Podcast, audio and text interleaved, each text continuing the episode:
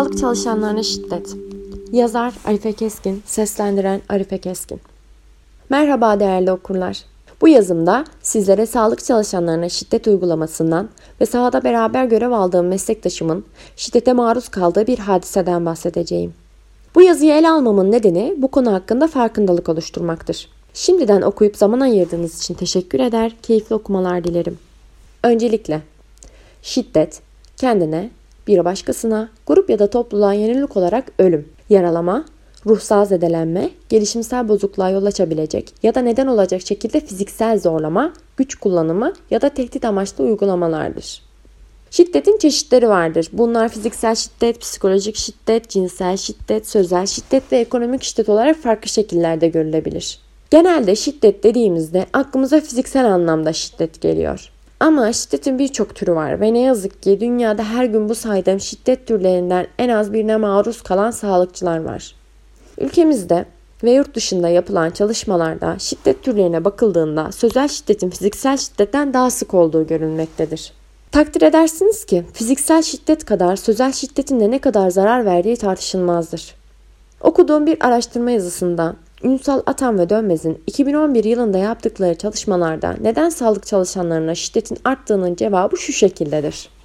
Sağlık çalışanlarının saldırgan davranışla baş etme, hastalarla iletişim kurma ve krizi yönetme konularında deneyimli olamamaları ve eğitim yetersizliklerinin olması nedeniyle sağlık çalışanlarına yönelik şiddetin arttığı belirtilmiştir. Benim bu araştırma çalışmalarının sonucuna şu şekilde bir yorumum var. Sağlık personelinin Eğitim kalitesinin ne durumda olduğu ayrı bir tartışma konusu. Ama şiddete gelecek olursam şartlar ne olursa olsun, karşımızdaki sağlık personelinin tavrı ne olursa olsun, şiddetin her türlüsüne başvurmanın son derece yanlış olduğudur. Çünkü şiddet hiçbir sorunun çözümü değildir. Eğer biz haklı isek hakkımızın karşılığını hukuksal yollardan bulabiliriz. Bu durumda hakkımızı hukuksal yollarda aramakta sonsuz hakka sahibiz. Eğer bu bilinçli olursak, bunu hiçbir zaman unutmaz isek, şiddete başvurup haklıyken haksız konuma düşmeyiz. Değil mi değerli okurlar? Peki, sağlık çalışanlarına uygulanan şiddetin önüne nasıl geçebiliriz? Bunun için hem eğitimde hem de Sağlık Bakanlığı'nın düzenlemelerinde çalışmalar yapılmalıdır. Ve şiddete maruz kalan sağlık çalışanlarına yaşadıkları olayı saklamalarının oluşabilecek diğer olayı engellemediğini, ve bu olayların açıkça ifade edilmesinin alınacak önlemlerin etkinliğinde rehber olacağı konusunda bilgi verilmelidir. Meslektaşımın yaşadığı hadiseye geçmeden son olarak şu cümleleri eklemek istiyorum. Bilinmelidir ki sağlık çalışanlarının ilk hedefi kendisine başvuran kişinin ihtiyacını mesleki gereklilik ile yasal ve vicdani sorumluluk içerisinde değerlendirerek gerekli hizmeti vermektir. Bu yüzden tüm sağlık çalışanlarına tüm hizmetleri için çok teşekkür ediyorum. Gelelim şimdi yazının başından beri bahsi geçen meslektaşımın şiddete maruz kaldığı hadiseye. 112 Komuta Kontrol Binnoğlu istasyonunda staj görmekteydim. Acil tıp teknisyeni olarak. O tarihte 2017 ekipte şoför, iki sağlık personelinden oluşan bir ekip var. Ve ben de o ekiple beraber stajyer olarak vakaya çıkıyorum.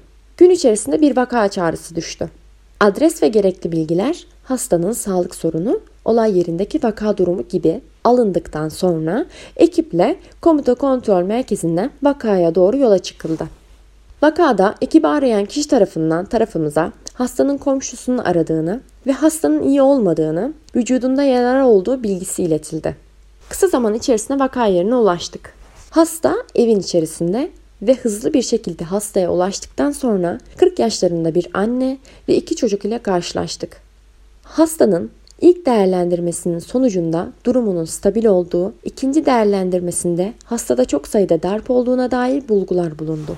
Bunun üzerine vakanın adli bir vaka olduğunu teyit ettik ve polis ile iletişime geçip olay yerine gelmelerini istedik.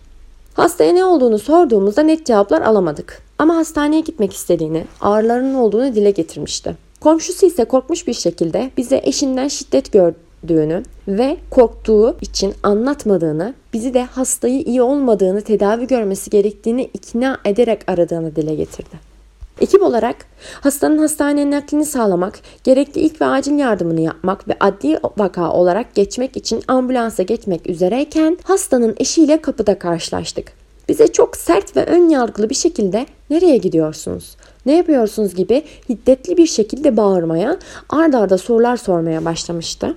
Ve tabii ki annesini bırakmak istemeyen çocuklar da yanımızdaydı. Olay yerinin bu kalabalık karmaşık durumunu ve olay yeri yönetimini zorlaştırmamak adına çocukları ve hastayı ambulansın içine diğer sağlık personeli ile birlikte kapıyı kapatıp içeri aldık.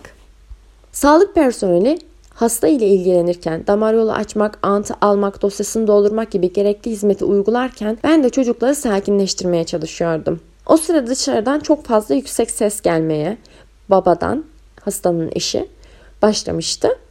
Dışarıda şoför ve diğer erkek personeli hastanın eşini sakinleştirmeyi ve eşinin sağlık durumunun iyi olmadığını, kendi rızası ile hastaneye gitmek istediğini, sağlıklı bir iletişim kurarak bilgisini vermeye çalışıyorlardı. Ama o sırada personel arkadaşımıza fiziksel temasta bulunup hakaretler savurarak olay yerinden uzaklaştı. Bunun üzerine hemen vakayı beyaz kod olarak bildirip hastayı en yakın sağlık kuruluşuna naklini gerçekleştirdik. Beyaz kod hastanede ya da çalıştığımız sağlık kuruluşlarında sağlık personelinin, hastanın, hasta yakınının olası güvenlik sorunlarında en kısa zamanda müdahaleye girilmesini ve bilgilendirilmesini sağlayan koddur. Ardından adli vaka olarak kayıtlara geçen vakamıza polis ekiplerinin gelmesiyle vaka kamu davası açılmasıyla sonlandı. Böyle bir ortamın içinde bulunmuş. Her şeyden önce bir insan olarak ve bir sağlıkçı olarak hem işimi yaparken çok zor şartlar altında müdahale etmiş ekip olarak ve şiddet ile karşı karşıya kalan ekip arkadaşlarım adına çok tedirgin olmuş ve korkmuştum. Diyeceğim şu ki hayatın her noktasında şiddete hayır.